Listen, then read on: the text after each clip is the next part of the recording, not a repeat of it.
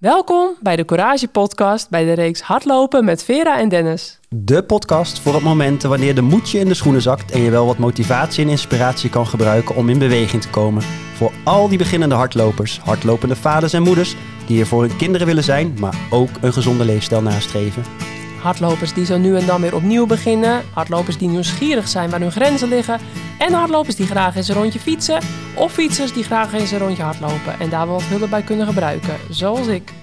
Luister dan naar deze podcastserie met voormalig professioneel wielrenster Vera Koedode, die steeds vaker de hardloopschoenen onderbindt en jou meeneemt in haar hardloopreis. Ja, en dat ga ik samen doen met oud-topatleet Dennis Licht, hardloopcoach en mooi En die gaat mij helpen met mijn hardloopdoelen. Veel luisterplezier!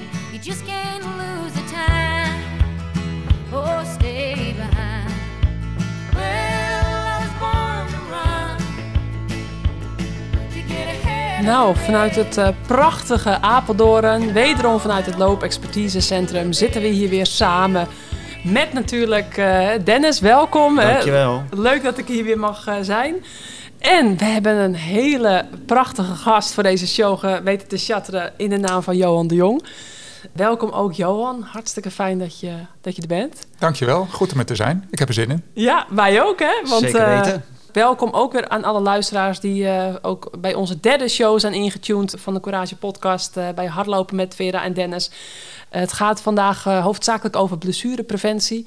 En alles wat daar omheen komt kijken. Um, ik denk dat de meeste hardlopers toch wel ja, in een enige vorm ermee te maken hebben gehad. Dus een hele, heel interessant onderwerp. Uh. Absoluut, absoluut. En daar kunnen we natuurlijk heel uitgebreid over ingaan. En um, uh, eigenlijk elk hardloper maakt wel eens een keer een, een pijntje mee. En soms wordt een pijntje ietsjes meer, een blessure. Ja. Maar uh, desalniettemin blijft het natuurlijk een sport die iedereen in principe zou kunnen blijven beoefenen tot op latere leeftijd. En daarom is het ook leuk om uh, op uh, het thema blessurepreventie in te gaan. Ja, zeker. Want uh, we hebben hem niet voor niks zo vroeg eigenlijk in onze podcastreeks geplaatst. Omdat ja. Het is enerzijds mijn hardloopreis en anderzijds natuurlijk de luisteraars zoveel mogelijk meenemen in, in jouw expertise. En vandaag ook de expertise van Johan. En ja, daarom uh, de meeste lopers die dan beginnen, die doen dat te snel. Of ja, het is toch wel echt een sport waar je een beetje bij moet nadenken, goed naar je gevoel moet luisteren. En daarom al zo vroeg eigenlijk dat we hem willen aankaarten. Maar goed, we zitten hier in Apeldoorn. En uh, ja, ik neem dit nu op eigenlijk nog even tijdens de laatste uurtjes van de vakantie uh, die we met uh, mijn familie hadden. De oudste had twee studiedagen, vrijdag en maandag. Dus konden even lekker hier in Nieuwmillige genieten bij Rabbit Hill. En echt heel veel bekende wegjes weer gezien van in de zes jaar dat ik in Apeldoorn woonde. En weer even genoten van de bossen. Heerlijk, weer even vanuit het winderige West-Friesland weer even de bossen opgezocht. En mooie stukje in mijn revalidatie ook met mijn spierscheur. dat ik weer even wat mooi kon wandelen eigenlijk. Precies. Ja, dus in de laatste uurtjes. Want uh, mijn man heeft uh, hier gelopen. De Midwintermarathon voor het eerst. En uh, ja, dat was ook echt een fantastische belevenis. Uh, uh, en hij heeft ons wel jaloers gemaakt, hè? want we hebben hier een hele mooie ja. medaille van hem liggen van de Midwinter Trail. Dat ja. is uh, maar voor een enkeling uh, mogelijk. Hè? Dan moet je met drie computers thuis gaan zitten om in te loggen. En binnen vier, vijf minuten is het uitverkocht om een startbewijs te krijgen. Ja. Dus Johan en ik kijken lichtelijk jaloers naar deze mooie medaille van Richard. Ja. Absoluut, absoluut. Ja, kroondomein het Low Marathon, Midwinter Marathon Apeldoorn. Het was de vijftigste Nee, de... het, het, is een 50-jarig bestaan, ja. een 49ste editie. Ja. Uh, door corona is natuurlijk een aantal keren niet uh, doorgegaan. maar ter ere van dat 50-jarig bestaan van Stichting Marathon Apeldoorn, zoals dat officieel heet, ja. um, is er een kunstwerk ja. onthuld aan de Lolaan op een hele speciale plek op start-finish um, tegenover restaurant Bol Vivant. En Uiteraard in samenspraak met, uh, met de omgevingsdienst en uh, de mensen die daar wonen. En dat is eigenlijk allemaal ter ere van die vrijwilligers die elk jaar daar in de kou staan om het zo goed te organiseren. Maar ook zeker een knipoog naar het koninklijke op de Lolaan. Um, de connectie tussen mensen en natuur. Um, die hardlopen, die uh, door middel van vastberadenheid en doorzettingsvermogen natuurlijk ook zich daar mogelijk in kunnen, kunnen herkennen. En het is een mooi beeld met een bepaalde glimlach. Ja. En eigenlijk gaat het daar ook om. Hè? Het is ook een beetje een mooi uh, bruggetje naar de quote van de Midwintermarathon. Je gaat sneller als je lacht. Dus ja, het is gewoon een, heel mooi kunstwerk ter ere van, uh, van dit hardloopevenement. Met een nieuw deelnemersrecord. Ruim 16.000 mensen die zich hadden geregistreerd. Ja. Um, en waarvan Johan en ik ook heel veel mensen begeleiden. Ja. Nee, al dan niet uh, in, uh, in teamverband. bedrijven die daaraan mee hebben gedaan. beginners, onze eigen loopgroep. individuele klanten die we begeleiden. En, ja, ja. en dat we dan ook in de laatste dagen ook allemaal pijntjes horen voorbij komen. Zo van, kan ik nog even bij, uh, bij jullie langskomen? en uh, ja. de donderdag uh, voor de training was wel mooi. Ik vroeg aan ja. iedereen, dat was afgelopen donderdag, van... ja, er staat, weten jullie wat op het programma staat? Ja, dat is wel weinig, hè? Ik zeg, ja, maar jullie doen toch ook allemaal zondag mee? Dus moet ook een keertje gaan rusten natuurlijk. Maar hoeveel mensen van jullie hebben pijntjes? Nou, meer dan de helft stak een vinger op ja. pijntjes. Ja, nou, voor 99% van de mensen die hier staat, is dat gewoon een taperpijntje. Ja. Je lijf op, komt tot rust. Uh, de dingen daar waar je misschien de vorige keer nog een beetje aan voorbij bent gegaan, die voel je nu allemaal extra. Je wordt al een beetje gespannen, je slaapt wat minder. Um, en toen vroeg ik uh, zondagmiddag uh, aan een van de lopers, Ralf, die nog geïnterviewd was door hardlopen.nl. En had je nog last van je enkel? Niks meer gevoeld. dus dat was wel mooi. Dus, uh, en uh, ook vandaag niet. Dus uh, nou, om dat maar even mooi aan te geven hoe het was gegaan. was een mooie beleving. Ja, nou de reden waarom mijn man, die deed dan de, die midwintermarathon. En hij, hij heeft wel op zijn gemakje gelopen. het was ook zijn eerste marathon, zijn officiële marathon. Laatst heeft hij ook wel langere afstanden dan in zijn vrije tijd gedaan. maar uh, het was wel ook in voorbereiding op de 100 kilometer die hij dan volgende maand gaat doen in Portugal, de ja. Follow the Coast. Dus dat is een heel gaaf project. Uh, en, um, dus het was echt een voorbereidingsloop wel. En uh, de tweede helft kon hij gelukkig nog iets harder lopen. Maar het was voor hem niet dat hij echt volle bakken voor, voor een goede uitslag of echt een toptijd wilde gaan of zo. Ja. Het is natuurlijk ook een heel zwaar parcours. Dus sowieso kun je niet een hele snelle tijd lopen, want het is allemaal op en af en door het zand, et cetera.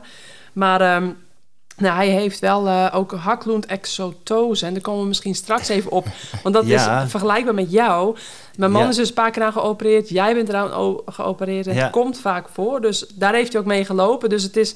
Nou, even shout-out naar Risha... dat hij dan toch, ondanks die pijn eigenlijk uh, heeft gelopen. Maar uh, het gaat uh, nu twee dagen later alweer supergoed. Dus hij is fit. En nou ja, het is wel jammer, want net als ik met mijn bekkenslagadervernauwing op, met, met wielrennen... heeft hij dan deze chronische blessure eigenlijk. Dus ja, ja dat is dan toch iets waar je continu rekening mee moet houden. Maar het was een hele mooie belevenis. En inderdaad, wat je net zei, hij had iets van een rugnummer 153. Het was echt binnen vijf minuten ongeveer...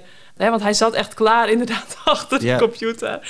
Binnen vijf minuten was hij uitverkocht. En dat, dat toont al wel aan dat, eh, dat het een hele gewilde marathon eh, is om te Een lopen. hele speciale. De Echt. rentmeester van het uh, kroondomein, die, die kent Johan ook. Die, Ja. die, ja, die doet het speciaal daar het hek voor open. En eh, dat mag niet zomaar, dat doen ze maar één keer per jaar. Precies. En eh, het was ook wel grappig dat een Olympiër uit 1968...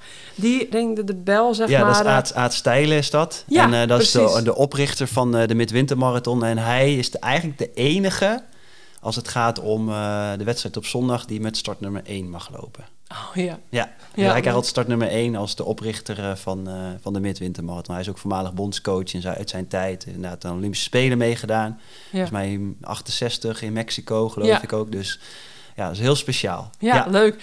Maar goed, eh, we kunnen nu niet verder met het volgende onderwerp... zonder het even over jouw trainingsloopje te hebben. Ja, daar kunnen we Want- even heel kort over uitweiden. Ik had natuurlijk een longontsteking, maar de trainingen gingen hartstikke goed. En ik, had een, ik had ook even gevraagd aan mijn huisarts: vind je, vind je ervan eh, als ik een wedstrijd ga lopen? Nou, dat was goed. En, eh, maar echt, ik heb het wel als een training gelopen. Ik ken natuurlijk het parcours goed. Eh, ik merkte al na een paar kilometer dat, dat het vertrektempo was, lag heel hoog. Ik zat wel in een mooi groepje. Ik wilde ook niet tussen wal en schip stranden in de patat, zoals ze dat dan zegt, hè, in het fietsen. Ja. Dus ik ben wel in de kopgroep meegegaan en daarna in de heuvels mijn eigen tempo gepakt. Toen merkte ik al dat er één iemand ook wel wat zwakker was. We zaten met z'n vieren. Ja. Dus ik denk, ja, ik wil niet eh vierde worden. Nee. Dus eh, ik heb eh, een beetje uitgerust, hoe gek het ook klink- klinkt, op de kampsteeg. Wat nog heel gemeen Oh, een ja. beetje omhoog loopt. Ja, ken ik, ja. En eh, d- eh, terugdraaiend richting de Echoput. Hotel-restaurant wat daar zit, eh, Ja. ben ik, heb ik één hele harde tussenversnelling verplaatst en ben daarna weer mijn eigen tempo doorgelopen. En dat was precies genoeg om eh, eh, toch nog weer eens een podiumplekje mee te kunnen pakken. Zo. Ja. Maar het is qua tempo, vond ik, ja, ik merk gewoon, ik ben niet in vorm. Niet En in ik- vorm? Nee, nee, nee. Ik loop 7, 8 seconden per kilometer langzamer dan ik anders zou doen. Dus goed. Het, het, parcours is wel wat zwaarder, maar in principe de damloop liep ik 48, 38 eh, en nu zit ik er twee minuten boven en een paar seconden. Dus uh, dat zegt wel eventjes aan wat het verschil is. Niet alleen het zwaarte van het parcours, maar ook op het moment waar ik nu sta. Dus, uh, en dat is heel veel, twee minuten op, op 16 kilometer. Ja, oké, maar goed. Ik, ik, ik, ging gewoon voor de grap even al die uitslagen bekijken. En toen, ik had volgens mij ergens voorbij zien komen dat jij misschien nog zou lopen of ja, zo. klopt. Dus, en toen, nou, het verbaasde mij wel weer dat je gewoon ook eerste bij de mannen 35 en dan derde totaal. Ja.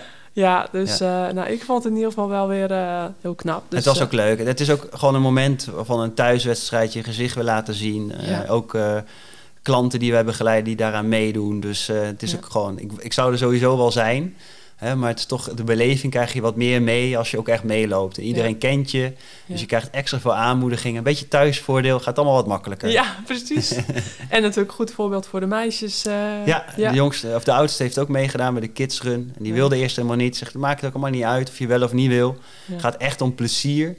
Als jij dat wil, dan mag je meedoen. En uiteindelijk zei ja, ik wil toch wel meedoen. Ja. Want uh, haar oom deed ook mee en uh, zijn zwager deed mee, ik deed mee. En uh, wilde wel met mama rennen, dus die heeft de 500 meter gedaan en die straalde van oor tot oor. Dus, ja. Mooi, nou het was alweer een geslaagd evenement dus. volgend jaar hoop ik er wel bij te zijn met de 8 kilometer. En um, ja, nou ja, nog even dan um, even heel kort naar het volgende onderwerp. En dat is natuurlijk de spierscheur. Ja, hoe gaat het ermee, Vera? Vertel op. ja, de hardloopreis ligt natuurlijk nog steeds uh, stil, uiteraard. Want het was een flinke spierscheur van uh, om en nabij 10 centimeter. Ik heb uh, afgelopen week nog even de radioloog gesproken. die in eerste instantie zei van, nou, twee, drie weken niet sporten. Maar daar was hij ook wel van teruggekomen afgelopen week. Want hij zegt, ja... dat hij echt even goed de MRI had bekeken. Ja, dit is toch echt wel graad 2, 3 zat ik, hè, want je hebt uh, graad 1, graad 2, graad 3. Maar uh, toch wel tegen graad 3 aan. En normaal is graad 3 dan als hij helemaal is afgescheurd. Maar het was echt uh, ja, zo diep en zo lang dat, dat het toch wel echt... ja, zegt het heeft echt wel heel lang herstel nodig. En bij sommigen kan het een half jaar duren. Bij andere drie maanden. het verschilt dus per persoon. Maar ehm, ja, waar we eigenlijk zorgen om maakten... waren die absurde beelden waar Echo Zorg het bij mij over had. Maar... Uh, dat was dus echt wel, volgens de radioloog, ook een gevolg van een hele diepe, lange massage. Eigenlijk een dag nadat de spierscheur er al zat. Ja, hè, die door de sportarts erin getrokken was op 28 december. Waarschijnlijk al in een graad 1 spierscheur, die ik dus niet goed mm. genoeg had gevoeld. Of nou ja, waarvan ik dacht dat het kwam doordat mijn bekken scheef stond, et cetera. Dus 18 december de sportarts spierscheur ingetrokken. Toen eigenlijk nou, binnen anderhalve dag een lange, diepe massage ja, vanwege een spierknoop, dacht de sportmasseur. Toen de dag erna nog een half uurtje mee hard gelopen. Dus de radioloog zei er wel echt van ja, waarschijnlijk hebben die twee dingen zo'n absurd beeld veroorzaakt. Dus echt allemaal van die bellen en klonters en wat, ze normaal bijna nooit zien bij een spierscheur en waarvan ze zich dus zorgen maakten. Dus nu uh, afgelopen week in een echo toch wel geconstateerd dat die absurde beelden weggetrokken zijn. Heeft het lichaam allemaal weer opgeruimd. Uh, zijn weer allemaal nieuwe ja, vezeltjes aangemaakt. Ja, herstel, herstelprocessen zijn al aan de gang. Ja, het is flink aan de gang. Dus het is nu vijf weken later. Uh, nog, kan nog zeker niet hardlopen. Het is nog zeker niet helemaal hersteld. Uh, maar, maar wel nou, weer normaal wandelen. Precies. Ik zag al gelijk de eerste ja. training voorbij komen. En ik denk, hé, hey, even appen. Wat is hier aan de hand? Ja.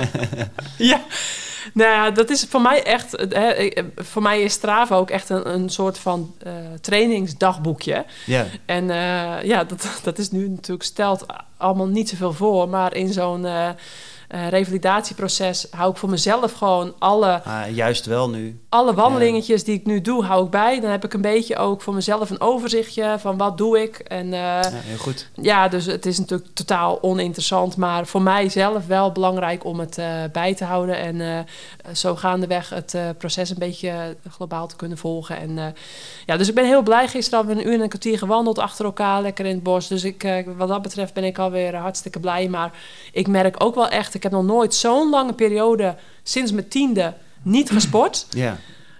Dat is mentaal vooral heel vervelend. Ja, dus, ja. Ehm, de ene kant ben je verslaafd aan bewegen. Aan de andere kant voel je ook wel dat het lastig is om iets anders te vinden waarin je de ontspanning kan vinden waarschijnlijk. Ja, dat. De, de momentjes van uh, de voldoening, de genoegdoening van het sporten. Ook al doe je een rustig duurloopje, een half uurtje, de, de endorfines, het geluksgevoel wat vrijkomt hè, op hormoonniveau dat mis je volledig nu. En eh, ik kom dan echt van een extreme kant af, van het topsportverleden uh, uh, met wielrennen. En dan nu was ik wel gewend om gewoon drie keer per week minimaal te sporten. Uh, of ja, vier keer per week gemiddeld. En dan, ja, dan, dan is één weekje, twee weekjes. Nou, dat, in het begin dat is te doen. Dat ik met mijn pootje hoog, omhoog op de bank lag, dat is allemaal nog wel. Maar dan na die tweede week, dan merk je echt van... Ah, dan wil je echt sporten. ja, en nu is het echt heel belangrijk om het heel voorzichtig... Om niet te snel te beginnen, om straks ook nog een controle-echootje of een controle-emery te maken voordat ik echt die belasting er weer op ga gooien, wat hardlopen natuurlijk doet. Dus ja, het is wel echt, het begint nu echt wel vervelend te worden. Ja, juist. En vooral dus mentaal, hè, dat je echt die uitlaatclip, in mijn geval mis ik wel. Dus uh, ja. ja, de komende weken, ik hoop de volgende, de show nummer vier die we gaan opnemen, dan hoop ik... Uh, toch alweer... Uh, ja, licht eerste... aan het einde van de tunnel te zien. Ja, maar goed, ja, dit is echt iets wat je per dag, per week moet bekijken. En samen met de visio natuurlijk... Uh, en met de rekoefeningen die ik aan het doen ben, met uh, Herzog compressiematerialen ben ik bezig, met de kousen, met de shorts die ook heel fijn zijn, moet ik zeggen. De, de shorts die dan uh, ja, compressie geven op het bovenbeen. En in het begin was het nog een beetje vervelend, omdat het echt op de spierscheur zat. Maar inmiddels kan ik ook de shorts aan. Uh, de Compri Recovery Pro ben ik, nou ja, bijna iedere avond zet ik erop. Dus ja. echt compressie. Dat doe ik nog niet op de, op de plek van de spierscheur. dat durf ik echt nog niet aan. Maar binnenkort als het geconstateerd is dat het helemaal hersteld is... dan zou ik ook op mijn linkerbovenbeen de, de compressie zetten. En dan ja, um, je doet er alles aan. Ja, Annika druppels. Uh, ik, ik, smeer iedere dag meerdere keren de, ehm, de traumeelzalf en um, Hirodoid. Ken ik niet. Nee, dat is dus echt voor de aderen. En de afgelopen week viel ook de elektrische fiets met volle gewicht op mijn kuit met de jongens naar school brengen. Oeps. dus uh, ook daar kan ik de Herodoïd uh, op smeren. En uh, ja, nee, ja, dus van alles en nog wat.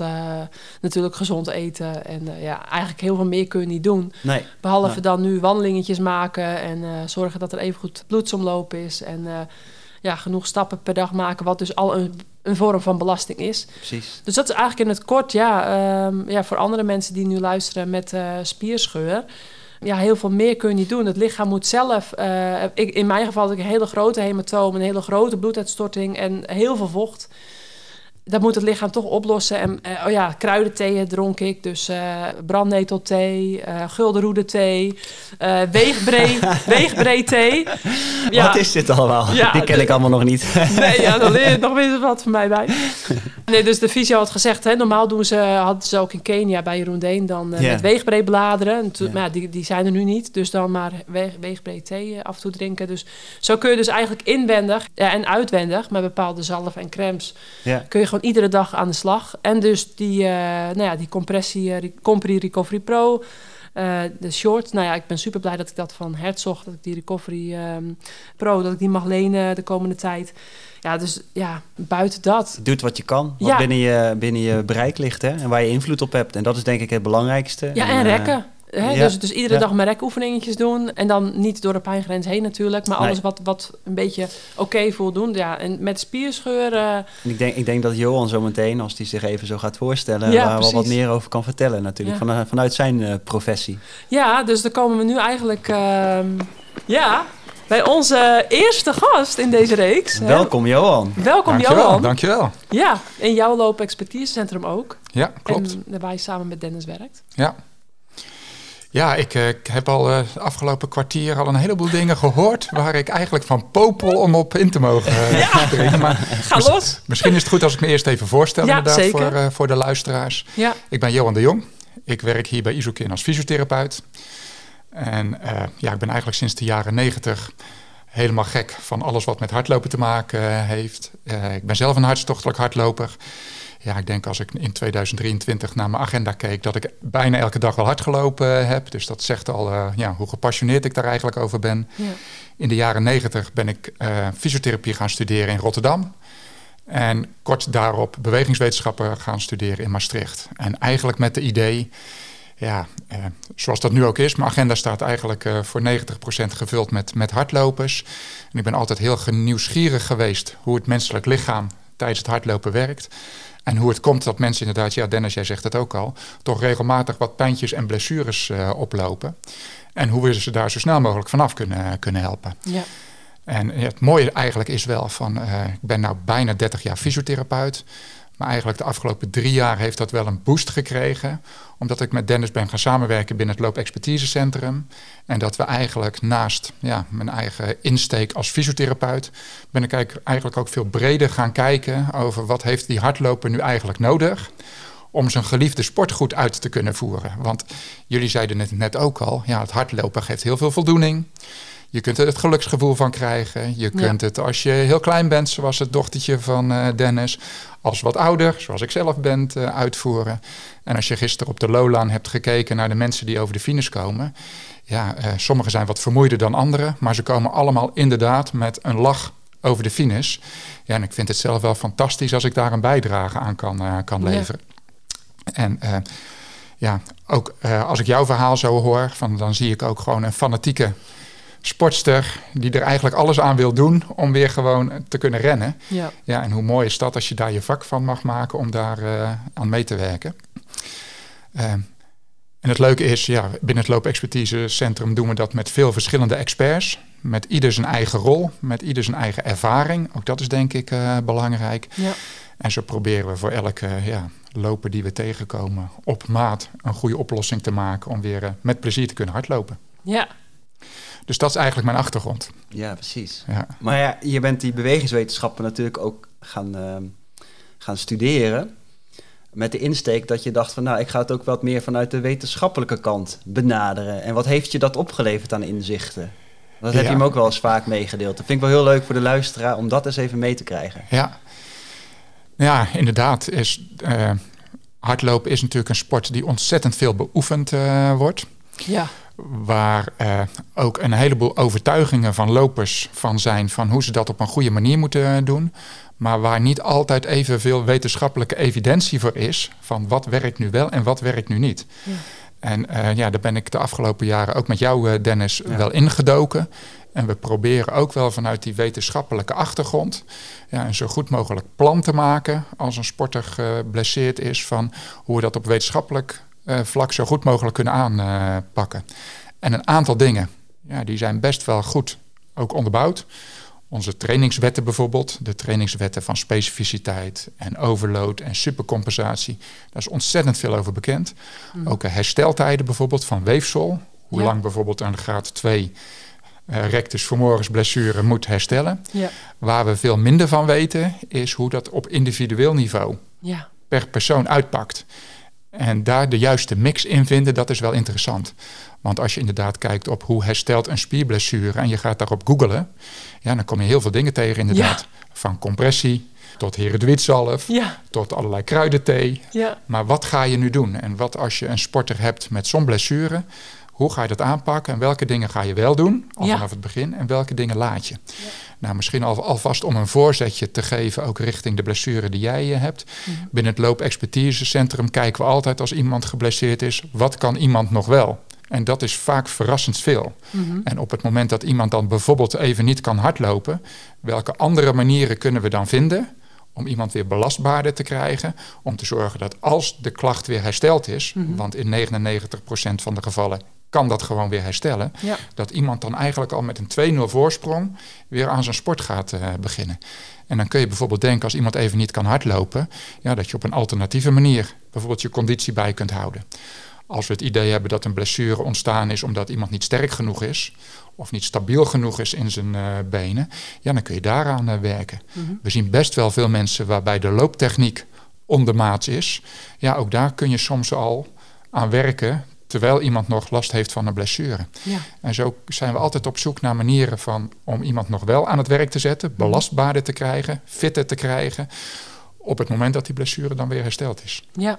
En ik durf wel te zeggen dat we daar best wel vaak ook gewoon, uh, ook in onze eigen loopgroep, ja. wel in slagen. Ja, zeker. Genoeg voorbeelden daarvan, denk ik. En ook uh, wat tegen, soms tegen de wetenschappelijke inzichten indruist. Ja? En dat vind ik wel heel mooi als Johan daar dan zegt van ja, die orthopeet uh, kan dan wel zeggen dat je nooit meer mag hardlopen. En eigenlijk had hij dan liever eerst zelf als fysiotherapeut bericht ontvangen. Ja, absoluut. Voordat ja. de boodschap wordt overgedragen aan de patiënt in kwestie waar het om gaat. En uh, dat vind ik altijd wel een hele interessante. Ja. Zeker met uh, kniegerelateerde klachten bij mensen vaak. Hè? Ja. Oh ja.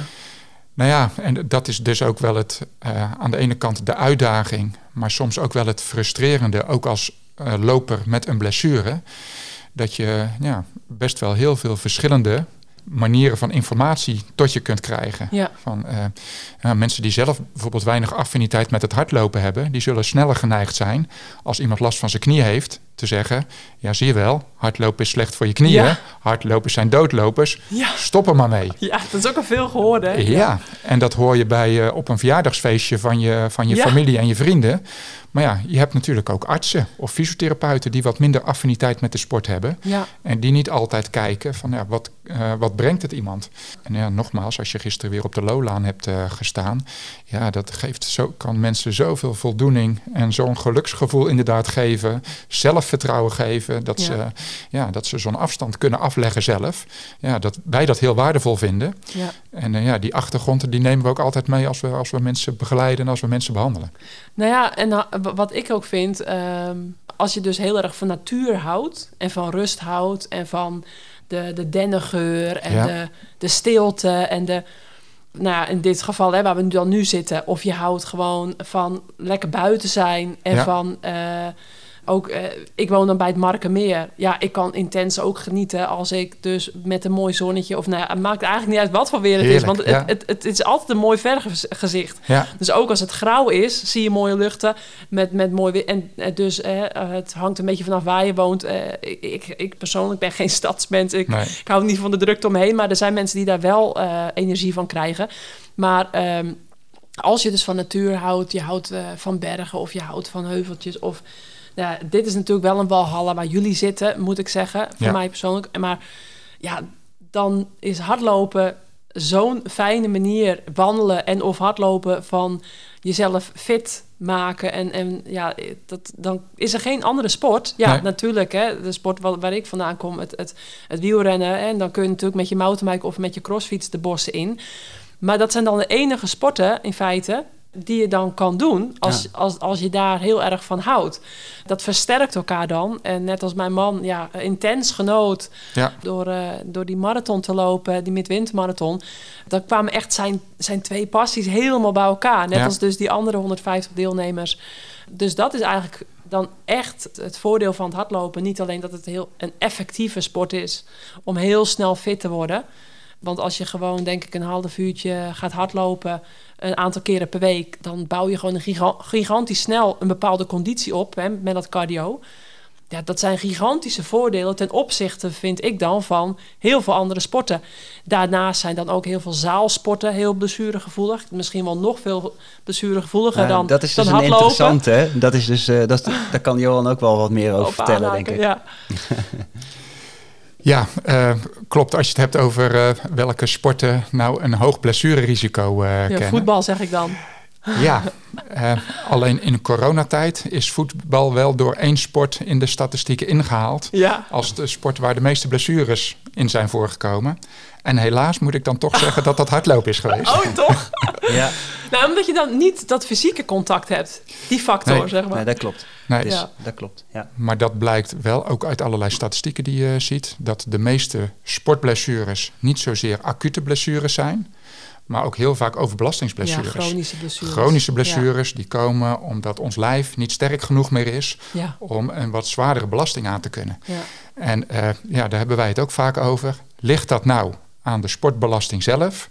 Of zegt dat ook iets over ons als mensen? En eh, ja, hoe belastbaar we nog daadwerkelijk zijn. Ten opzichte ook van vroeger, hè? Ja, Van, waar, wa- want we zijn eigenlijk ge- gemaakt, dat staat ook in het boek Born to Run, to run. wat ja. mijn man eh, van A tot Z heeft uitgeplozen. Zijn hardloopbijbel. Ja, Ja. zijn hardloopbijbel. ehm, waarin hij ook zegt dat wij zijn eh, fysiek eigenlijk gemaakt om iedere dag echt, 10.000 stappen is dan de norm, maar eigenlijk ligt het nog veel hoger. Ja. Eigenlijk zijn we gemaakt om hard te lopen, fysiek. En net als dat vrouwen gemaakt zijn om te baren, uh, zijn, zijn we als lichaam gemaakt ook om hard te lopen en sowieso te wandelen. Maar uh, dat is dus wel interessant wat jij zegt. En had uh, Dennis in de vorige podcast ook al aangehaald toen we het ook al hier eventjes kort over hadden. Ja. Dat we te veel zitten. Ja, ja zeker. De intrinsieke, dat we zeer gemotiveerd zijn om ons in het leven makkelijk te maken. En dat is eigenlijk een beetje de essentie natuurlijk. Met op allerlei vlakken. Met de elektrische fiets. Uh, de auto sneller pakken. Weet je, dus of met de openbaar vervoer te gaan. Uh, terwijl je inderdaad ook een langer stuk kan gaan fietsen. En wat meer, ja, maar wat meer weerstand uh, Ik heb wel een hele zware fietskar achter mijn elektrische fiets. Ja, want ik zei het in het begin, die was op mijn kuit gevallen. Precies, Dikke precies. vette bloeduitstorting. En soms, sommige dingen zijn natuurlijk ook praktisch. Maar ja, inderdaad, het heeft heel erg met levensstijl te maken. Het aantal stappen per minuut is daar soms ook wel een goede graadmeter in. Dus uh, in coronatijd heb ik ook begrepen van docenten in bewegingsonderwijs... waar ik dan een een, uh, een training aangaf. Dan hadden ze leerlingen die nog maar 1500 stappen op een dag op een gegeven moment uh, gingen zetten. Omdat ze alleen maar achter de computer hun lessen hoefden te volgen. Ja, dat is natuurlijk ontzettend uh, ja, niet goed. Hè? Dus geen goede ontwikkeling. En, ehm, dus ja, de, terecht wat Johan ook zegt, inderdaad. Ik denk dat het heel erg een kwestie ook is van levensstijl. Wat je voor de rest van de periode doet. Daar hebben we het ook wel eens over. Als het gaat ook over de trainingspyramide die we een beetje hanteren we, willen alles en iedereen dat ze lange rustige duurlopen doen. Maar daaronder is het ook de basis. Tuinieren, eh, wandelen naar de supermarkt, uh, met de fiets naar school, uh, klussen in, hui, in en om huis. Weet je? Dat ze ook allemaal bewegen, bewegen, bewegen. En daar kan je hout hakken bij wijze van ja. kan je ook allemaal sport in zien. Kun je ook op straven zetten. Ja, ja. maar dat, het is wel belangrijk dat je dat zegt. Want dat is eigenlijk wel ook een punt wat ik vandaag wil maken. Ja van wij horen toch ook nog wel veel, ook van de mensen die we trainen of van de mensen om ons heen, dat ze het soms een beetje onzin vinden dat wij bijvoorbeeld wekelijks tijd besteden aan krachttraining voor hardlopers of aan mobiliteit voor uh, hardlopers. Want er wordt vaak gezegd, ja, weet je, als je goed wil worden in hardlopen, dan moet je gewoon uren maken als hardloper. En dat klopt natuurlijk in essentie ook. Maar dan, uh, ja, dan veronachtzaam je eigenlijk het punt wat we net noemen. Dat er een heleboel mensen al door hun dagelijkse leefstijl en het vele zitten eigenlijk niet belastbaar genoeg zijn om gelijk kilometers te kunnen maken. En om dat verschil een beetje al te overbruggen, ja, zien we dat er soms nog iets extra's gedaan moet worden in die befaamde grondmotorische eigenschap. Voordat mensen inderdaad goed genoeg zijn, of fit genoeg zijn, of sterk genoeg zijn om die kilometers te maken die ze graag willen maken. Ja. Dus ook in onze loopgroep besteden wij eigenlijk altijd wel aandacht aan een wekelijks krachttrainingsmoment. Gericht specifiek krachttraining voor hardlopers. Want sommige krachttrainingsoefeningen zijn misschien wat minder geschikt voor een loper en misschien wat meer voor een fietser of voor een mhm. andere sportcategorie. Maar wij vinden wel dat dat erbij hoort. En we zien ook, als mensen maar het geduld en de motivatie hebben om daar een tijd lang mee aan de slag te gaan, want tijd is daarin ook altijd een factor, ja, ja dat we ze eigenlijk steeds voor de langere termijn fit krijgen. Ja. Ze minder blessures oplopen en ze uiteindelijk dan dat krijgen wat ze daadwerkelijk willen.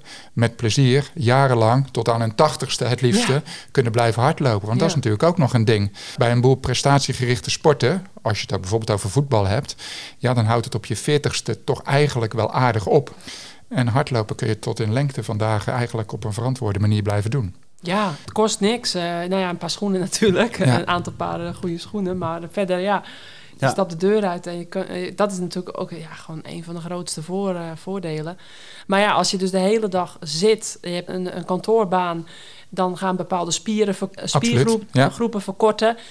En daar moet je er vervolgens eigenlijk weer aan de voorkant mee aan de slag. Voordat je dus uh, met hardlopen die verkorte spieren weer gaan zorgen voor indirect eigenlijk een blessure. Um, en dat is ontzettend belangrijk dat je dat met elkaar, en of je dat nou zelf doet, omdat je jezelf goed kent, of dat je daar een professional voor raadpleegt. Maar het maakt inderdaad een groot verschil of jij bijvoorbeeld een hamstringblessure oploopt, terwijl je de hele dag op je billen zit achter een beeldscherm. Of dat je inderdaad een fysiek werk hebt waar je de hele dag moet lopen en moet uh, tillen. Dan kan eenzelfde hamstringblessure toch een hele andere aanpak en een andere hersteltijd vergen.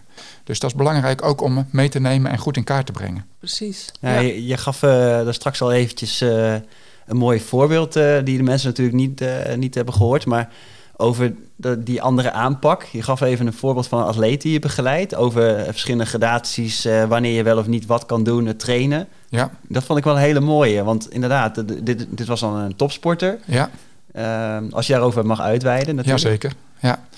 Nee, dat is een, uh, een, een jonge topsporter, een 400 meter loper die een aantal weken geleden een hamstringblessure heeft opgelopen. Oh ja, wat je net voor de show ja, zei. Voor de show zat ik dat te, vertellen. Eigenlijk wel ook een heel bijzonder verhaal. Die uh, eigenlijk zelf niet heel erg door had dat er iets mis was. In misschien zijn topsport mindset gewoon maar... Herken je dat? Ja. Uh, Eén ding in zijn achterhoofd houdt. Knallen. En pijntjes horen erbij. En pas in een later stadium, toen daar een echo van gemaakt werd... en weken later grondig onderzoek nagedaan werd er toch wel schade aan die hamstring bleek te zijn. Uh, dus daar spelen ook nog verschillende factoren een rol in of mensen zelf goed kunnen beoordelen hoe, hoe ernstig een blessure is. Ja. ja. pijngrens speelt daar inderdaad een rol in. Voel je het zelf? Zit je goed in je eigen lijf wat dat, wat dat betreft? Maar ook de locatie van de blessure. Ja, dit was dan een vrij diepe, zoals wij dat dan noemen, hamstringscheur. Uh, ja. dat voel je ook niet zo goed als iets wat heel oppervlakkig is. Is ook wat minder makkelijk waar te nemen. Wat dan het mooie weer is, uh, alleen al op basis van dat echobeeld, van het plaatje, denk je dan vrij goed te kunnen vaststellen van hoe lang iets gaat duren en wat iemand nodig heeft om weer te herstellen. Mhm. En de praktijk blijkt dan weer heel anders te zijn. Van Dit leek dan iemand te zijn die er dan maanden uit lag, maar hij is nu eigenlijk weer op hoog niveau aan het uh, trainen. En we verwachten over twee weken, als er weer een mooi topsportevenement in Apeldoorn plaatsvindt, het NK Indoor Atletiek, dat hij gewoon mee kan uh, doen. Dus zo kan het dan ook gaan. In eerste instantie een wat we dan noemen slechte prognose. Het gaat een tijd duren. Maar de jongen is goed belastbaar, is goed getraind, wordt goed begeleid, ook door zijn uh, trainer. En uh, kan dan eigenlijk weer verrassend snel ja. herstellen. Dus zo kan het ook gaan. Ja, nou, dat is natuurlijk wat ik altijd in mijn wielercarrière had gehad. Dat ook een keer ik van helemaal van top tot teen open lag. Uh, diepe wonden, een zwaar gekneusde schouder. En dat ook de, echt alle doktoren zeiden... nou Vera, dat EK over twee weken in uh, Athene... dat kun je echt op je buik schrijven. Ja. Want je, je ligt echt van top tot teen zo...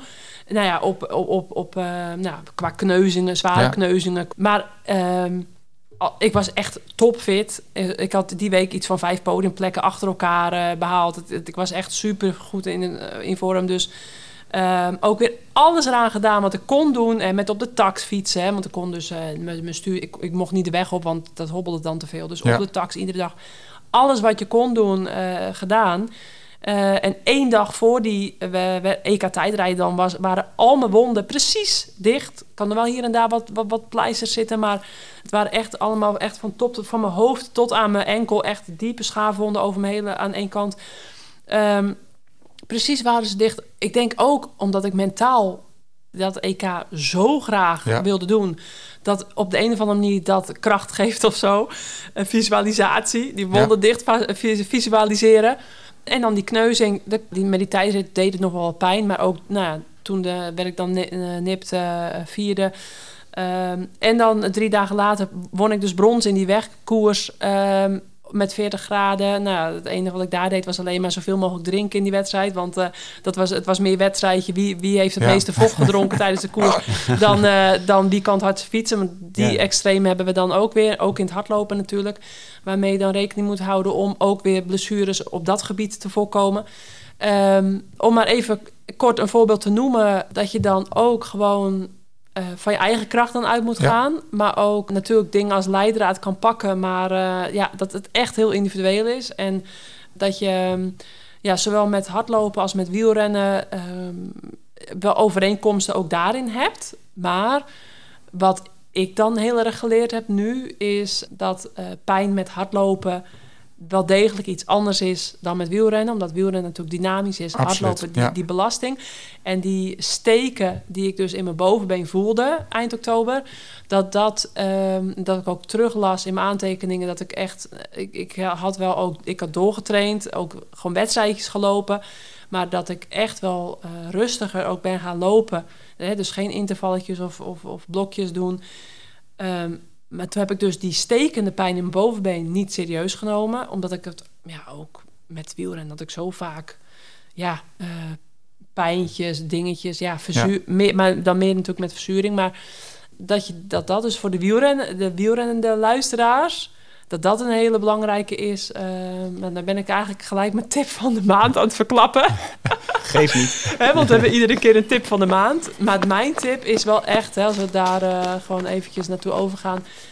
voor wielrenners die hardlopen, neem pijntjes serieus. Want ook goede wielrenners die wielrennen als hoofdsport hebben die dan in de winter gaan hardlopen vaak ehm, hartstikke goed voor de botaanmaak, voor de botdichtheid te, te, stimuleren. Super belangrijk voor wielrenners. Maar kijk, wielrenners hebben meestal alleen blessures als ze dus vallen. Ja. ja. Ehm, dat is de uh, verder, ja, oké, okay, zitvlak, uh, zitvlakproblematiek komt heel veel voor. Dat is een beetje toch een onbesproken topic vaak. Niet iedereen durft zich erover uit te spreken, maar dat is wel echt een veel voorkomende uh, zitvlak. en dan verder heb je wel wat ja, blessures die in, ja, door het fietsen komen, maar hè, valpartijen. Dus dat is vaak waar wij dan ja. Nou ja, wat gespecialiseerd in zijn. En met hardlopen is dat natuurlijk vaak gewoon andersom. Dus ja, tip van de maand. Uh, neem pijntjes dan serieus. Ga een keer bij de fysio een echootje maken. Nou, dat is... Uh... Nou, sterker nog, van, ik ben het helemaal eens met je tip. Ik zou hem iets willen specificeren vanuit mijn uh, vakgebied.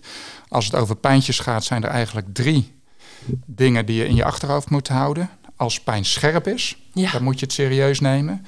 Goeie. Dus pijntje hier, pijntje daar en een beetje een doffe, zeurende pijn kan ook een voorbode van ellende zijn. Maar scherpe pijn, dat deugt in principe nooit. Dan moet je weten waar het vandaan komt. Nou, Wij doen dan meestal een pijnscore. Hè. Stel je moet die pijn klassificeren tussen, op een schaal van 0 tot 10. Een pijntje wat boven de 5 komt. Ja, daarvan moet je echt wel weten waar het vandaan komt. Dus dat moet je serieus nemen. Ja. Ten tweede is het belangrijk van, uh, of de pijn goed te lokaliseren is. Als je het pijn als het ware kan pinpointen, dus als je met je vingertop precies kan aanwijzen, daar zit het pijntje, ja. dan is dat al een reden ook om het extra serieus te nemen. Terwijl als mensen zeggen, ja, de pijn zit ergens daar op dat bovenbeen, maar ze kunnen het niet goed lokaliseren. Meestal, niet altijd, is het dan minder urgent, minder ernstig. Ja. Dus naast de heftigheid van de pijn, boven de 5 uh, eh, score op een 10 schaal en het goed kunnen pinpointen, dat zijn twee belangrijke dingen, is ook een belangrijke die wij ook altijd aan onze lopers meegeven. Als je de pijn eruit loopt, dan kan het vaak een wat minder serieus probleem zijn. En als je de pijn erin loopt, met andere woorden, als die erger wordt door het lopen, is ook een reden om het serieus te nemen. Dus die drie dingen, loop je de pijn erin of eruit, kun je het met je vinger letterlijk lokaliseren en aanwijzen. En is de pijn scherp of heftig of niet. En als je die drie dingen voelt, ja, helemaal met je eens, dan moet je het nog serieuzer nemen dan, uh, dan anders. Ja, ja. En over het verschil inderdaad tussen de wielrensport en de hardloopsport, ja, ook dat komen wij heel vaak uh, tegen. Ja. Hardloop of wielrenners hebben van nature een heel goed ontwikkeld hart-longsysteem. Ja. Vaak nog wel beter dan, uh, dan hardlopers. Maar hun steunweefsel, dus het weefsel wat de klappen moet opvangen, is gewoon omdat ze dat bij het wielrennen niet nodig hebben, minder goed ontwikkeld. Ja. En dat is vaak bij het hardlopen dan de beperkende factor. En bijna alle specifieke hardloopblessures, of het nou Achillespeesklachten zijn, hielspoorklachten, een runner's knee of een uh, stressfractuur ergens in je bot. Dat zijn allemaal overbelastingsklachten van het steunweefsel. Ja. En daar ben je inderdaad als wielrenner, hoe goed je ook getraind bent, net zo vatbaar voor als een beginnende hardloper. Helaas. Ja. ja. En, misschien, omdat... en misschien door je karakter en je pijngrens en het feit dat het je zo makkelijk conditioneel afgaat, ben je daar misschien nog wel wat vatbaarder voor. Ja, ja dat dus- heb ik ook een keer gehad. Dat ik zo'n uh, spronggewricht, uh, overbelast spronggewricht had. Dat deed echt pijn ook. Toen uh, dat ik tijdens mijn wielercarrière dus ging hardlopen in de, in de winter. En dan liep ik dus met de acht van Apeldoorn bij de eerste 40 lopers of zo mee. Loopsters bij de senioren op de acht. En Ehm, met heel weinig looptraining, maar eh, wel daar uh, klachten, omdat je dus gewoon veel te veel belast, inderdaad. Eh, terwijl wielrenners dus vaak de, een lage boldichtheid hebben vanwege ja. die, die beweging. Maar wat ik nog even wilde aanhaken op dat pinpointen van de blessure. Ik voelde eigenlijk die scherpe pijn in mijn bovenbeen. En ja, dat, nou ja achteraf... Hè, ehm, was dat misschien al een graad 1 iets. Maar het schijnt dan zo te zijn dat vooral met uh, uh, scheuren in het bovenbeen... daaromheen zijn er eigenlijk nog zoveel spiertjes, vezels nog wel intact. Absoluut, Die dus, dat, dat ik dus evengoed wedstrijden kon blijven lopen...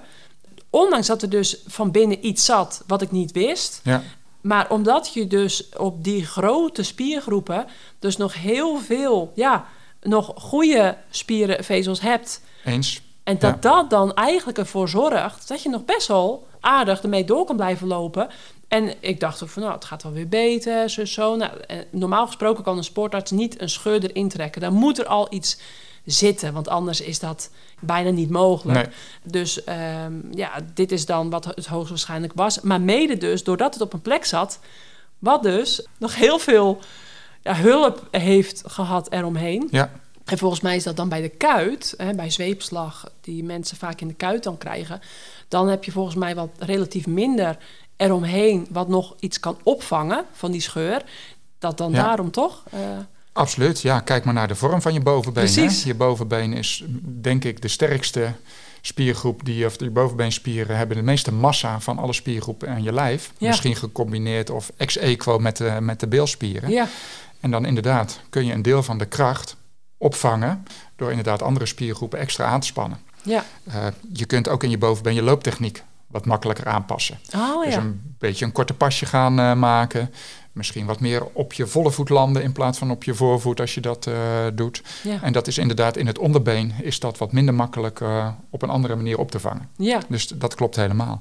Wat daar ook het, nog een dingetje in is, daarom die drie punten die ik net noemde. Mm -hmm. Ze hoeven niet alle drie tegelijk aanwezig te zijn. Maar als één van die drie er is, is dat al reden genoeg. Want inderdaad, hoe dieper gelegen die scheur zit in het bovenbeen... en bij jou zal dat wat dieper onder ja. de oppervlakte ja, hebben gezeten. Ik zag ook niks aan de buitenkant. Nee. Nee. Hoe minder makkelijk je het kan lokaliseren. Ja. Dat is bijvoorbeeld de reden dat uh, vrouwen, als ze ongesteld zijn... Oh, ja. dat ze dat niet in hun baarmoeder voelen, maar dat ze dat in hun rug voelen. Die baarmoeder zit zo diep natuurlijk, ja. daar heb je minder gevoel bij. Dat is de reden dat mensen die hartproblemen hebben... niet altijd pijn aan hun hart hebben, maar uitstralingsklachten hebben. Bijvoorbeeld naar de linkerarm of richting de kaak. Dat hart zit zo diep gelegen dat je daar niet goed kan voelen als er iets mis mee is. Dus dat noemen ze uitstralende pijn. En dat zie je inderdaad in de, met hartklachten, bij de maandelijkse cyclus bij vrouwen. Maar dat zie je dus ook in zo'n dieper gelegen hamstringprobleem. Ja. Dus dan zal inderdaad dat pinpointen met je vingertip, dat zal dan inderdaad niet lukken. Nee, nee. Maar ik ben er wel van overtuigd dat die andere twee factoren bij jou wel aanwezig waren, Vera. ja. Ja, nee. En wat er altijd leuk ja. aan, of ja, leuk is het niet als je Nee. dit doormaakt. Ja. Maar ik weet zeker dat als jij maar de motivatie blijft opbrengen om hier weer overheen te komen en van te herstellen, dat het je ook heel veel geleerd heeft. Het is in ieder geval een onderwerp voor een podcast, dus dat is op zich al eh, mooi. Ja. Maar je leert je lijf natuurlijk ook veel beter kennen. Ja. En je weet in het vervolg wat je beter kunt doen Mhm. en wat je beter kunt laten. Nou, dat is toch ook mooi? ja, nou in ieder geval kunnen anderen dit eh, Absoluut. hiermee Ja. met dit verhaal eh, hopelijk iets voorkomen. Ja, absoluut. Ja, en nou ja, dus eh, tip van de maand, hè, als we dan eventjes eh, naar jouw tip van de maand toe rennen. Ja, eigenlijk is dat wel in hetzelfde straatje een beetje. Dat je niet alleen maar denkt over eh, wat je allemaal in training kan doen, maar dat je ook aandacht hebt voor herstel. Want eigenlijk van training, de prikkel die je daarmee geeft, daar word je slechter van. Ja, Maar het herstel en de herstelprocessen die daarna in gang worden gezet, waarvan je niet allemaal invloed op hebt. Hè, dat gebeurt allemaal door het autonoom cel- zenuwstelsel, wordt dat zelf eh, bepaald. Ehm, ja, dan, eh, dan, dan word je eigenlijk een betere versie van jezelf. En dat kun je doen inderdaad met vormen van herstelmaatregelen. Eh, dat doe je met voeding, dat doe je met slaap. Dus dat is een heel compleet plaat, eh, plaatje. En dat bedoelen wij ook altijd wel een beetje te zeggen. Hardlopen is meer dan het ene been voor het andere Ja. zeggen. Dat blijf ik maar weer even benadrukken. ja. En, ehm, en dat, dat valt ook heel erg in het kader van blessurepreventie, denk ik. Dus eh, training, ja, goed. Maar heb ook aandacht voor dat andere aspect. En mijn oude coach zei altijd, Dennis... je kunt als hardloper lopen, dan hebben we het dan over misschien drie, vier uur per dag hardlopen. Ja? Dus dat is, maar dan hou je er nog twintig uur over. Mhm. Dan kun je misschien nog wat extra aanvullende ehm, eh, trainingen doen op de, op de fiets. Want Johan zei heel mooi, eh, de fietser heeft misschien nog wel een beter cardiovasculair systeem ontwikkeld eh, dan een, of de, een fietser nog beter ontwikkeld dan een, dan een hardloper. En, eh, maar het gaat om die overige, zeg maar 20, 21 uur. Wat doe je daarin? ja, Hoeveel stress heb je van je werk? Eh, ja. nee, wat doe je met je voeding? Welke keuzes maak je daarin? En dat is dat rekensommetje waar het om gaat. Ja. Je zult ook qua trainingsuren van hardlopen ook niet echt snel iemand zien dat hij meer dan 20 uur maakt per week. Mhm. En als Nee, je dan ja. ziet hoeveel tijd je nog over hebt, en Ja. dat zit natuurlijk in slaap en, eh, en al die herstelmaatregelen. Dus eh, Als je tien uur per week hardloopt, dat is al. eh, dat doe je al best wel veel. Ja. Ja, Ja. zeker. En in die 10 uur kan je ook al best veel kilometers maken. Ja. Maar dat is ook een beetje waar de lopers een beetje te vaak op gefocust zijn. Op, Ja. op, op kwantiteit Ja. of op kwaliteit door heel hard te trainen. Maar uiteindelijk draait het om continuïteit. En dat realiseer je dus door gewoon ook het brede plaatje uh, in kaart te brengen voor jezelf. En ook te weten waar liggen jouw valkuilen. Hè? En uh, ook op tijd te kunnen uh, acteren op, op, op pijntjes. Um, en misschien ook eens inderdaad een keer een looptraining vervangen door wat oefeningen te doen. of dat aanvullend op je trainingen te doen. En, um, en daar misschien ook wat expertise bij te zoeken die je daarbij kunnen helpen. Ja. Dat is het. Ja, Goeie tip. Zeker. en uh, wat me nu ook te binnen schiet, is dat uh, ik zei dus uh, tegen mijn fysio Jeroen Deen afgelopen week van ja, want wij pro ik probeer echt, ik wil graag oorzaken weten van nou ja, hè, hoogstwaarschijnlijk ben ik dus twee maanden ongeveer doorgelopen met die graad 1 spierscheur, uh, toen ziek geweest, een verzwakt lichaam, toen de spierscheur erin verder erin getrokken door de sportarts. Toen natuurlijk compleet twee verkeerde dingen gedaan. Uh, die massage en toen dat loopje. Maar met dat loopje, ik zei toen tegen Jeroen... ja, maar toen heb ik wel rustig gelopen. Echt op mijn aller, allerrustigst. Want het deed heel veel pijn dat ik ging lopen. Maar 31 december wilde ik het jaar sportief afsluiten... nadat ik ziek was. Dus dat speelde wel mee. Maar toen zei Jeroen juist van... ja, maar juist doordat je... Uh, want normaal loop ik niet tempo 630 met een rustig loopje. Dan loop ik uh, nou ja, 530 of 545. Dat is voor mij al echt heel... met hartstikke 120 lopen of zo. Dus ik ging echt heel om alle rustig, omdat het pijn deed. Maar toen zei hij juist van ja, maar als je dan zo'n langzaam tempo loopt, heb je eigenlijk nog meer belasting op je gestel dan al had je wat harder gelopen. Terwijl ik juist dacht, hoe rustiger, hoe beter omdat het met fietsen natuurlijk ook vaak zo werkt. Dan ga je ook met hersteltraining rustig fietsen, je benen laten vallen. Ja, ja. Ehm, en hij zei, toen had hij een voorbeeld van een van zijn atleten die hij ook begeleidde in Kenia. Ehm, die hadden dan een wedstrijd gelopen op de baan. En dan gingen ze eigenlijk als uitlopen, tussen aanhalingstekens, nog een paar intervalletjes doen. Ja, ins en outs doen ze vaak nog. Met een paar klopt. ins en out, met een paar flinke tempo's ertussen. Ik zei, wat? Dat, na, na een lange klassieker dan, of, of na een baanwedstrijd of zo... dan gaan we echt nooit een interval vorm van training doen als, als, als de cooling down. Dus dat vond ik echt een hele interessante. Dat ik dus nu dus met die uh, blessure heel rustig ging, ging lopen. Maar eigenlijk ook daarin nog het verkeerde deed. Ik, ik weet niet, we horen nu een soort van... Uh, nee, ik, ik, weet niet wat ik doe, maar dat ligt denk ik aan de... Aan het kabeltje. Ja, aan het kabeltje. um, dus, dus ja, ik ben heel benieuwd naar jullie kijk hierop... en wat de luisteraars dus hiervan kunnen leren. Um, dat niet altijd heel langzaam lopen... Nee, ja. de, uh, minder belasting. Daar heb ik al een heel leuk voorbeeld ja. van. Want ik merk dat jij toch nog heel erg in de vergelijking wielrennen, hardlopen zit. Ja. Dat zou misschien mijn tip zijn. Hardlopen is een andere sport. Precies. En dat moet je misschien uh, loslaten. Ja. Uh, Dennis is, uh, dat mag ik denk ik wel zeggen, een aantal jaren geleden geopereerd aan zijn Achillespezen. Ja. ja. En ik heb hem daarvan, uh, samen hebben we de revalidatie op ons uh, genomen. Daar was hij overigens wel wereldkampioen in uh, geworden, in snel revalideren. Ja, dat wel. Maar toen hij voor het eerst weer mocht gaan hardlopen, ja. toen hebben we er ook heel bewust voor gekozen om dat niet te doen in 10 km per uur met een hele lage, niet-reactieve pas. Ja. Maar hem met halve minuutjes en minuutjes weer op een relatief hoog actief tempo te laten, goede looptechniek te laten inderdaad, ja, misschien kun je daar zelf iets over zeggen. Dat dat reactief lopen en het inderdaad dat korte grondcontact. eerste opmerking ook hier toen ik op de loopband beneden in de fysiopraktijk stond. Niet te langzaam lopen. Nee. Niet 10 per uur, gewoon 12 per uur. Dan, dan ga je rennen. Dus het geen joggen, maar dan is het hardlopen inderdaad. Die korte contacttijd. Ook om gelijk dat weefsel een beetje te laten wennen aan de, aan de normale manier van lopen. En uh, dat, was ook alleen maar, dat kon ook alleen maar natuurlijk uh, na, uh, nadat ik een vrijbrief van Johan had gekregen. De temperatuur lokaal was goed. We gingen alles meten. Hè. We hebben meer data in kaart gebracht. En en, uh, Hoe de temperatuur? Uh, nou, lokaal om te kijken of er nog ontstekingsreactie is. Oh, okay. verdikking, wat hebben we nog meer gedaan? Op een gegeven moment zei oké, nu mag je auto rijden. Ga maar eens een beetje vijf minuutjes door de wijk rijden. Om gewoon weer ook in dagelijks leven dingen op te pakken. Uitvalspasjes, niet op een volle voet landen, maar juist op de teen. dat soort dingen. En op een gegeven moment dan merk je van... hé, hey, volgens mij ben ik weer een soort van belastbaar... om in ieder geval een trainingsprikkel toe te dienen. En dan mocht ik dan een bepaalde pijnscore bij hebben. En dan moest ik dat ook uh, twee uur voor tevoren moest ik dat meten. Tijdens elke interval, twee uur daarna, 24 uur later. Allemaal bijgehouden.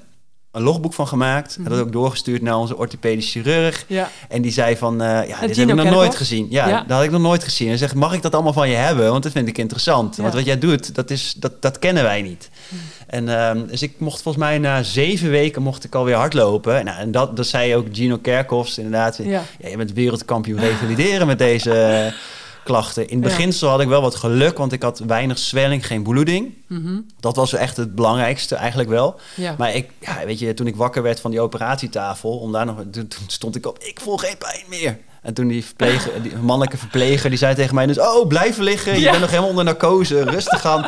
Wil je wat eten? Ik twee boterhammen eten. Nou, vijf minuten later spuugde ik alles weer uit.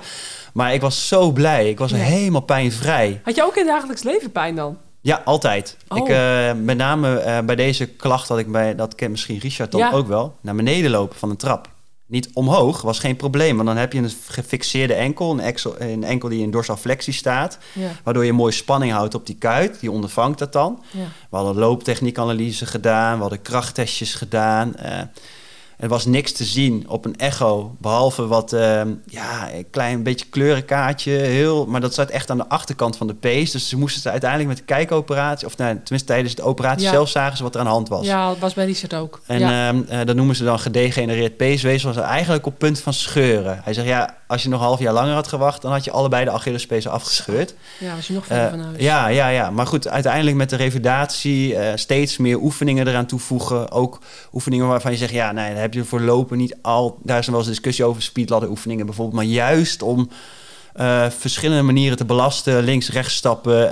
nou, dat heb ik toen allemaal gedaan. vanaf het moment dat ik geen pijn meer had en mocht ik al vanaf na 24 uur de letters A, B, C, de hele alfabet schrijven met, met om dat weefsel, zeg maar, al die trekkrachten al een beetje erop te zetten en te zorgen dat dat ja, eigenlijk die structuren zeg maar weer mooi, um, uh, mooi worden. Hè? Want dat is mhm. het. Je krijgt anders verklevingen, als ik het goed zo mag zeggen. Absoluut, dus je moet het meteen bewegen naar de operatie. Doen ze mensen met een nieuwe heup gelijk. Ook als er weinig pijn is of onder de pijnstilling, heup bewegen. Te zorgen dat je meteen functioneel belast. Ja. Latere fase, toen het wat langer, de trainingen langer werden, toen ben ik ook op een, uh, een, eh, een anti-zwaartekrachtloopband gaan staan. Alter G. Er waren er nog niet zoveel in Nederland. Oh, Er waren er zes in Nederland, waarvan er drie of zo bij een voetbalclub stonden waar ik niet mocht komen. Bij Ajax en AZ stonden er volgens mij een paar. En, uh, maar goed, toen, uh, toen ben ik naar een fysiopraktijk ergens in Utrecht geweest, Fleuten of zo. En uh, boven een hardloopwinkel. En die hadden er een staan. En daar ging ik mijn lange training op doen. Met 80% van mijn lichaamsgewicht. Oh, ja. Maar wel al hogere snelheid ook. 14, 15 per uur, 16 per uur. De duurloopsnelheden die ik gewend was. Zo functioneel mogelijk trainen. Ja, en na zeven, dat, dat, dat was al na, nou, ik denk na, na twee maanden, drie maanden. En na, na drieënhalve maand kon ik alweer acht keer duizend doen. En op blote voeten weer lopen op het oh gras. en dat was voor mij een verademing. Toen dacht ik, ik kan weer gewoon op slippers lopen. Ja, zeg, ja dat mag je nooit doen, zeggen heel veel coaches. Niet goed voor Achillespezen. Maar uiteindelijk ben ik daar wel voorstander van. Je moet gewoon op blote voeten kunnen lopen. Als je dat niet meer kan, dan gaat er iets niet goed. Mhm. En dat was bij mij dus heel erg het geval. Ik kon niet meer op spikes lopen. Ik moest mezelf tapen. Ik ging met uh, uh, Arnie Floor met uh, mag magnetronfolie om, om die, om die oh. Achillespees te slapen. Met een ja. Strasbourg sok. Alles gedaan wat je maar kan doen. En toen zei de arts ook, zei, ja, als je, als je alles al hebt gedaan, wie ben ik dan dat ik het weet, beter weet? Ik ga je opereren. En volgens mij is dat de enige optie nog. Ja. En ik zei van ja, weet je, ik ben blij als ik nog weer een uur pijvrij kan hardlopen. En uh, daar doe ik het voor. En als mijn topsportcarrière voorbij is, prima. Ja. Maar daarna was ik zo belastbaar. Ik kon meer kilometers maken. Ik kon van uh, 100 kilometer per week gemiddeld rennen naar 150. Mm -hmm. Uiteraard rustig opgebouwd. Maar ik kon weer die topsporter zijn. Ja om dat niveau aan te kunnen, waar, waarvan ik dacht van ja, dat kan ik. En, mhm. dat, en, toen ging ik maar echt, uh, ja, ging met sprongen vooruit eigenlijk. Ja, letterlijk. was een verademing. En het is uh, iets meer dan tien jaar geleden nu dat ik geopereerd ben. Ja, ja. En, en aquajoggen? Ook gedaan. Oh, ja. Uh, ja, ja, ja, wond was genezen. Ik heb natuurlijk hechtingen. Heb gelijk aquajoggen, zwemmen, um, elliptical, mountainbiken, wielrennen. Ja, ja. Op een gegeven moment inderdaad rustig joggen, krachttraining doen, alles wat je kan doen. Ik was gewoon twee keer per dag aan het trainen. ja. ja. die tijd. Ja, dus dat was een goed voorbeeld van uh, kijken wat je nog wel kan. Ja, precies. en veel kilometers hardlopen, dat was toen niet aan de orde. Nee. Dat was te vroeg. Maar je hebt daarnaast wel gewoon een heleboel andere alternatieve dingen gemaakt. Die ervoor zorgden dat toen je inderdaad merkte dat je dat weer kon opbouwen, dat je dat eigenlijk heel snel opgebouwd uh, ja, Denk in mogelijkheden, wat jij ook al zei. En uh, niet in beperkingen. Denk je van ja, ik achterover zitten, maar word je niet beter van. En uiteindelijk, uh, het duurde wel weer even voordat ik mijn persoonlijke koers ging verbreken. Maar um, want ik had echt een wedstrijdritme nodig. Dat duurde echt wel drie wedstrijden. Maar uiteindelijk, ja, zelfs in het jaar waarin ik heel weinig gelopen had, verbrak ik toch een persoonlijke record op het onderdeel wat ik het moeilijkst vind, 3000 meter. Ja. Dus dat was heel bijzonder. Ja. En ook nog in een kampioenschap, waarbij tijd helemaal niet belangrijk is, maar ranking. en dat was, dat was fantastisch om dat te zien. En ja, de jaar daarna toen, uh, ging, ik, uh, ging het alleen maar vooruit, eigenlijk. Ja, ja. wauw, ja. Nou ja, um, nou, wou ik uh, nog eventjes een paar dingetjes aan Johan vragen voordat jij weer verder uh, aan het werk moet. Hè, voordat Dennis en ik dan straks uh, verder gaan afsluiten. Wat ik nog van jou wilde weten is de nut en werking van compressie natuurlijk. Want dat is mhm. natuurlijk ook een veelgebruikt middel met, om blessures te voorkomen. Ja. Of in mijn geval dan om nu die compressie op de bovenbenen te hebben. En mits natuurlijk niet meer een zwelling er zit, want dan voelt het gewoon niet prettig. Maar, dus daar moest ik even mee wachten. Maar uh, ja, weet je, en afgelopen eh, weekend was ik ook een paar keer weer in dat zwemparadijs met de kleintjes. En toen vroeg ik me ook eigenlijk af van... hé, hey, misschien kan ik dit wel gewoon ook één keer per week bij mij thuis doen... dat ik ga zwemmen of zo met dat bovenbeen. Omdat je dan natuurlijk gewichtloos bent. Maar goed, dus ik vroeg me dan af, hè, zwemmen. En kijk, uh, bij Dennis zat het helemaal beneden bij zijn enkel. Bij mij helemaal aan de bovenkant, uh, bovenbeen. Maar ik denk dat sowieso uh, veel dingen in het zwembad kunnen. En, Absoluut, ja. En dan, ja, wat is jouw ervaring dan met compressie? Nou, om het eerst over de vraag van het zwemmen. Van, ik denk dat het belangrijk is als welke atleet dan ook, of je een wielrenner, een hardloper of welke sporter dan ook bent, dat het belangrijk is om je veelzijdig en gevarieerd atletisch te vormen. Mhm. Ja, en daar valt zo'n zo'n watersport als zwemmen prima in. Ja. Dat zal misschien niet in de eerste vroege fase na een blessure zijn. Weet je, in die eerste paar weken mhm. dat je inderdaad op zo'n echo nog een 10 centimeter scheur kon zien. Ja, dan is het maar heel erg te vragen of zelfs zwemmen, wat inderdaad weinig belastend is, maar slim is. Maar in de fase waar je nu in uh, zit, ja, lijkt me dat een prima aanvulling te zijn. Mhm. Je zult er denk ik niet heel veel harder van gaan lopen. Maar je zult je wel uh, veelzijdiger ontwikkelen. En dat komt altijd je belastbaarheid linksom of rechtsom weer ten, uh, ten goede. Dus dat zou ik zeker blijven doen als ik jou was. En als het gaat om compressie. Ja, uh, er zijn hele veel verschillende vormen van compressie te vinden. Van de Compru Recovery van Herzog. Ja. ja, die is echt bedoeld om ook circulatie aan te zetten. Dus een stukje herstelbevordering te garanderen. Uh, ik ken daar de literatuur niet goed genoeg van om daar een wetenschappelijk goed gefundeerd oordeel over te hebben. Mhm. Ik weet wel dat een heleboel topsporters het naar tevredenheid gebruiken. Ja, wielrenners dus, en hardlopers voornamelijk. Ja, ja. dus uh, ja, jij zult een van degenen zijn die ook die database misschien moeten vullen en je ervaringen daarin kenbaar moeten maken. Mhm. Wat we wel weten is dat mensen met onderbeensklachten, die zweepslag van het uh, onderbeen. Mensen die terugkerende kuitklachten en onderbeensgerelateerde inspanningsgebonden klachten hebben. Die geven wel aan, en literatuur ondersteunt dat ook, dat het gebruiken van milde compressie, dus dat hoeft niet een hele zware elastische kous te zijn, maar ook gewoon de convectiekousen die, uh, die op de markt zijn, ja. dat die daarin mensen minder spierpijn kunnen geven voor de dag daarna. Mm en eigenlijk de meeste evidentie is, eigenlijk nog, uh, ook dat ken je misschien uit je carrière nog wel, tijdens een vlucht, als je in het vliegtuig ja. uh, zit. Ja, zorgen dat, dat je, aan. Zorgen dat je ze dan ja. uh, aan hebt. Ja. Want blijkbaar doet het iets om de afvoer van afvalstoffen die niet alleen bij sport, maar ook in andere delen van ons dagelijks leven gevormd wordt, om die sneller af te voeren. Maar ook daarin zit weer een verschil per persoon. Mm -hmm. En dat zal ook niet voor iedereen even nuttig zijn. Uh, gelukkig zijn ze niet al te duur. Dus dat zijn echt de dingen, denk ik, die je als atleet of als sporter ook zelf regelmatig uit moet proberen. Ja. Dus probeer dat eens. Varieer eens een keer met je schoeisel. Uh, kijk eens wat aanvullende voedingssupplementen voor je kunnen betekenen. Er is een boel te doen nu om vitamine D, D-suppletie, magnesium. Ja. Je hoort daar wisselende verhalen over. De een zweert erbij, de andere ja. zegt van ja, ik, volgens mij plas ik het gelijk weer uit. Oh ja. Van nou ja, wat is er mis mee om daar een beetje in te experimenteren en jezelf te leren kennen. Wat jij nodig hebt of de wetenschap dat nou wel 100% ondersteunt of niet. Want mm. daarin loop je ook als topsporter en überhaupt als sporter soms een beetje achter de feiten aan. Ja. Dus compressie, ja.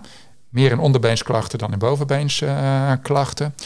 Maar ook daarin uh, ja, baat het niet, dan schaadt het niet. Nee, precies. Nee, ja, je ziet natuurlijk veel toplopers ermee lopen. Ja.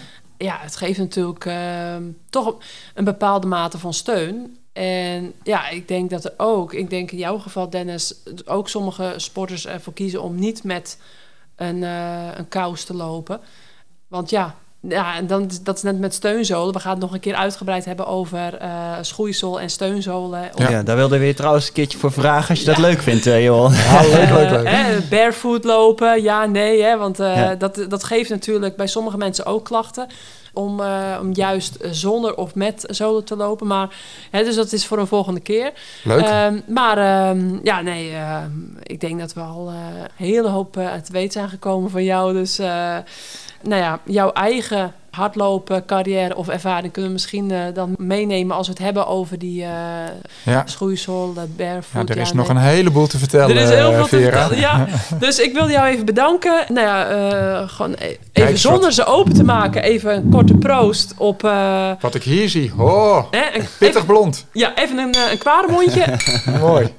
Proost op, uh, Proost. op jouw uh, uh, inbreng hier. Ik vond het hartstikke waardevol. Ik drink geen alcohol, maar jullie hè, mannen mogen lekker even dat, die kwaremondjes nuttigen thuis vanavond of een andere keer. Mooi. Dus hartstikke dank dat je wilde aanschuiven. Dank en, voor de uitnodiging. En, en de, tot een volgende keer. De prettige setting. En ja. tot een volgende keer. Ja, dankjewel dank Vera, dankjewel Dennis. Graag gedaan. Weer heel veel nieuwe inzichten opgedaan. En ja, ik heb leuk. natuurlijk Johan al heel vaak gesproken. Ja. En uh, toch weer uh, hoor ik ook weer wat nieuwe dingen voorbij komen. En uh, nou, wat dat betreft is het ook een bewegingswetenschapper en sportfysiotherapeut. Die zich door, door, hè, door elke dag door de mensen die hij ook ziet... weer nieuwe ervaringen opdoet, nieuwe ja. inzichten krijgt. Je, het is eigenlijk altijd lerende. Hè? En dat is dat is ook mooi en dat vind ik altijd mega interessant. Dus uh, ik was af en toe ook niet te horen. Ik denk, ik ga alleen maar luisteren. Ik was echt aan het genieten van de, de mooie uh, anekdotes die, die Johan meegeeft. en dat het zo individueel is, hè? Ja. als het gaat om ja, hoe je om moet gaan met een, misschien inderdaad met een, met een spierscheuring. Maar ook Ja. de tips die hij meegeeft, ja, die vond ik zeer, zeer, zeer waardevol. Ja, ik ook, ja. En ehm, even kijken, ja, want buiten die twee Achillespees... ja, jij hebt in één keer twee Achillespees Ja. laten opereren. Ook heel ongewoon om het beide zijds te laten doen. Normaal, eh, maar dat was ook om de tijd te winnen. Hè, je hebt als Ja. een sporter, eh, topsporter heb je natuurlijk maar weinig tijd, een beperkte carrière. En eh, Ja, ja, hij zei, ik- vroeg van, ja, kan het niet allebei tegelijk? Want moet misschien wel een half jaar wachten voor de volgende. En volgens mij kan ik ze beter tegelijkertijd revalideren. En dan kan ik ook niet met één ding alleen maar bezig zijn, met alleen maar links of zo. Weet je, want ook een soort chronische pijn wordt het dan. ja, En eh, ja, nee, dat kan wel. Dus eh nou, de eerste dag eh, op, op krukken en ik had een rolstoel staan, daar heb ik een keer in gezeten, maar heb ik niet veel hoeven te gebruiken. Ik Nee. moest voorzichtig zijn. Ik merkte echt duidelijk dat er echt, eh, misschien ook deels door de pijnstillers die ik kreeg, ja. maar eh, eigenlijk gewoon helemaal niks meer voelde eigenlijk. Niet die bekende pijn met de trap aflopen. Eh, wat voor mij dan een, eh, echt een, eh, een trigger was. Ik voelde me echt een oude opa, zei ik altijd als ik uit bed moest stappen. Ja. En dat, ik- dat ik de, ja, op een gegeven moment ook met trainingskampen eh, moest ik gewoon een half uur wachten, wakker worden, Ja. om überhaupt snel even mijn schoenen aan te trekken en mijn eerste ochtenduurloop in de alle vroegte te kunnen doen. Ja. Ja. dat was gewoon, op een gegeven moment was dat gewoon niet meer te doen. Nee, nee. En de- maar de sportarts zei daarvoor ook van, ja weet je, zolang jij gewoon erbij kan fietsen en je krachttrainingen kan doen, je kan het gewoon, het is it's manageable. Ja, Ja. dan gaan wij niet opereren. Ja. En groot gelijk heeft hij. Ja. Maar met, eh, ja, met terugwerkende kracht zei hij op een gegeven moment ook wel, ja, tot een jaar eerder moeten doen. Ja, ja. Maar goed, ja, weet je, dus eh, je staat allebei achter die keuze. En eh, ehm, eh, we doen het altijd vanuit, eh, ehm, vanuit de wetenschap, dat, dat, vanuit gezondheid en veiligheid, weet je wel. Dus dat, dat zijn, ja, op topsportniveau worden dat soort beslissingen eh, gemaakt. En Ja. eh daar gaat, eh, gaat niet over één nacht ijs. Nee, precies. Maar buiten die Achillespees heb je nog verder bepaalde... Oh joh, pff, wat heb ik niet gehad? Alles, be- alles behalve hamstring, denk ik. Echt, ja? Ja, ja. ja, alles behalve hamstrings. Ehm, dat is geluk, denk ik. Ehm bilspier, ook wel een keer een heel vervelend. Eh, de piriformis die uit je rug komt, eh, Ja. dat zo'n eh, zenuw bekneld wordt door Oh, een ja. klein beelspiertje. Heel vervelend door een glijbeweging te maken met in het sneeuw lopen. Ja. Ehm, Oh ja, dat was toen de tip van de maand de vorige keer. ja, ja. en even kijken wat nog meer. Ja, Over in het sneeuw. Een keer klein scheurtje gehad voor mijn eerste marathon in Parijs. Maar het hele korte nachten, onze eerste dochter, die pas een half jaar was, in een kuitscheurtje opgelopen. Maar daar was ik ook met wonder en wel door Johan natuurlijk weer geholpen. Echt, dus ja, maak je niet druk, komt goed. Ja dit, uh, dit, dit zat tegen eerste graads aan, zeg maar. Oh, en, ehm, eh, dus dat, dat ging snel goed. Ja. En dan moest ik ook op gevoel aftasten waar ik weer wat, of ik wat kon doen. Had je toen ook een echo gemaakt? Ja, hier. Ja, oh, hier in, Het, in, het, in het gezondheidscentrum een echo laten maken. En dat was heel duidelijk. Ja, en, ehm, ja want soms, zoals bij mij hè, in het geval... Ik had dus echt de, de meest uitgebreide MRI gekregen... omdat dus dat beeld er ook zo gek omnispieren eruit zag. Soms, is misschien ook wel even een tip om mee te geven, dat soms als je op een echo kun je niet altijd alles goed zien. Nee. En dan uh, is het wel echt heel verstandig om dan aan te sturen op een MRI. Hè, dus uh, ja. dat is dan op, op, sommige delen van het lichaam is dan een MRI veel effectiever om beter nauwkeuriger te kunnen kijken. Krijg je natuurlijk ook niet altijd zomaar die doorverwijzing. Nee, hè? Dus dat er moet echt een, een aanleiding voor zijn. En uh, dat kan zijn omdat de, de mogelijkheden niet zijn bij een sportfysiotherapeut mm. om, of, of, of, of, een sportarts. Dat, ja. dat, dat ze zeggen, ja, nou, dit vertrouw ik niet. Dat moet ik verder onderzoeken. Maar met goed echo-apparatuur kun je al wel een hoop zien. Maar... Kun je een hele hoop zien. Ja, goed. Ja. ja kuitscheuring gehad dus. Uh, ja, precies. Uh, runners syndroom. Uh, lage rugklachten. En dan zeiden de sporters, je moet veel meer buikspieroefeningen doen. En, ja. ja, en dat lag ook aan mijn houding. Ehm, ja. ja. Van alles wel. Een keer schouderklachten. ook wel eens gewoon, ja, het kan van alles. Ja. Dus ja, hardlopen is een blessuregevoelige sport. Maar als je het op een goede en verantwoorde manier doet, is niks aan de hand. We zijn uh, gemaakt om te rennen, hadden we al geconstateerd. Hè? Dus, uh, ja. ja. Nou ja, en gewoon het aller, allerbelangrijkste. Niet te lang door blijven modderen. Niet te lang door blijven lopen. Als, je, als je eigenlijk diep van binnen wel weet van... Ja, het, het zit waarschijnlijk gewoon echt niet goed. Gewoon ja, op tijd uh, toch onderzoeken. Ondanks dat het vervelend is. Maar op tijd onderzoeken waar. Ja, en, en ook een pijntje of iets dergelijks. Ook niet als iets uh, als, als jezelf kwalijk nemen en te streng voor jezelf zijn. heb ik weer of wat dan ook. Nee, probeer het nou om te buigen tot een leermoment. Precies. En dat heb ik bij jou ook al een beetje geprobeerd natuurlijk. Hè? Dus dan vooral te focussen op waar je op invloed op hebt. En nu zie ik ook veel meer berusting daarin. En dat je weer voelt van hé, hey, dit kan ik al wel. Mm en daar dan mee bezig te zijn en niet van dit kan ik niet. En mm ja, dat, dat, dat zijn hele belangrijke dingen. Positief erin staan. En uh, dan, uh, dan kan je van alles kun je weer wat leren. En dat denk ik het belangrijkste. Ja. Precies, ja. Nou, dan uh, rennen we denk ik nu naar het ehm, allerlaatste stukje van deze show. Niet binnen het uur, maar goed, we hadden ook zo'n interessante gast dat ja, dat ik eigenlijk van tevoren wel een beetje had verwacht dat het niet ging lukken. maar uh, we willen natuurlijk nog wel even een reminder doen van de winactie van Moorten. Um, vorige keer hadden we de te gekke winactie om uh, kans te maken op een van de drie pakketten die Moorten ter beschikking stelt. Uh, fantastische pakketten met Moorten-producten te waarde van 130 euro.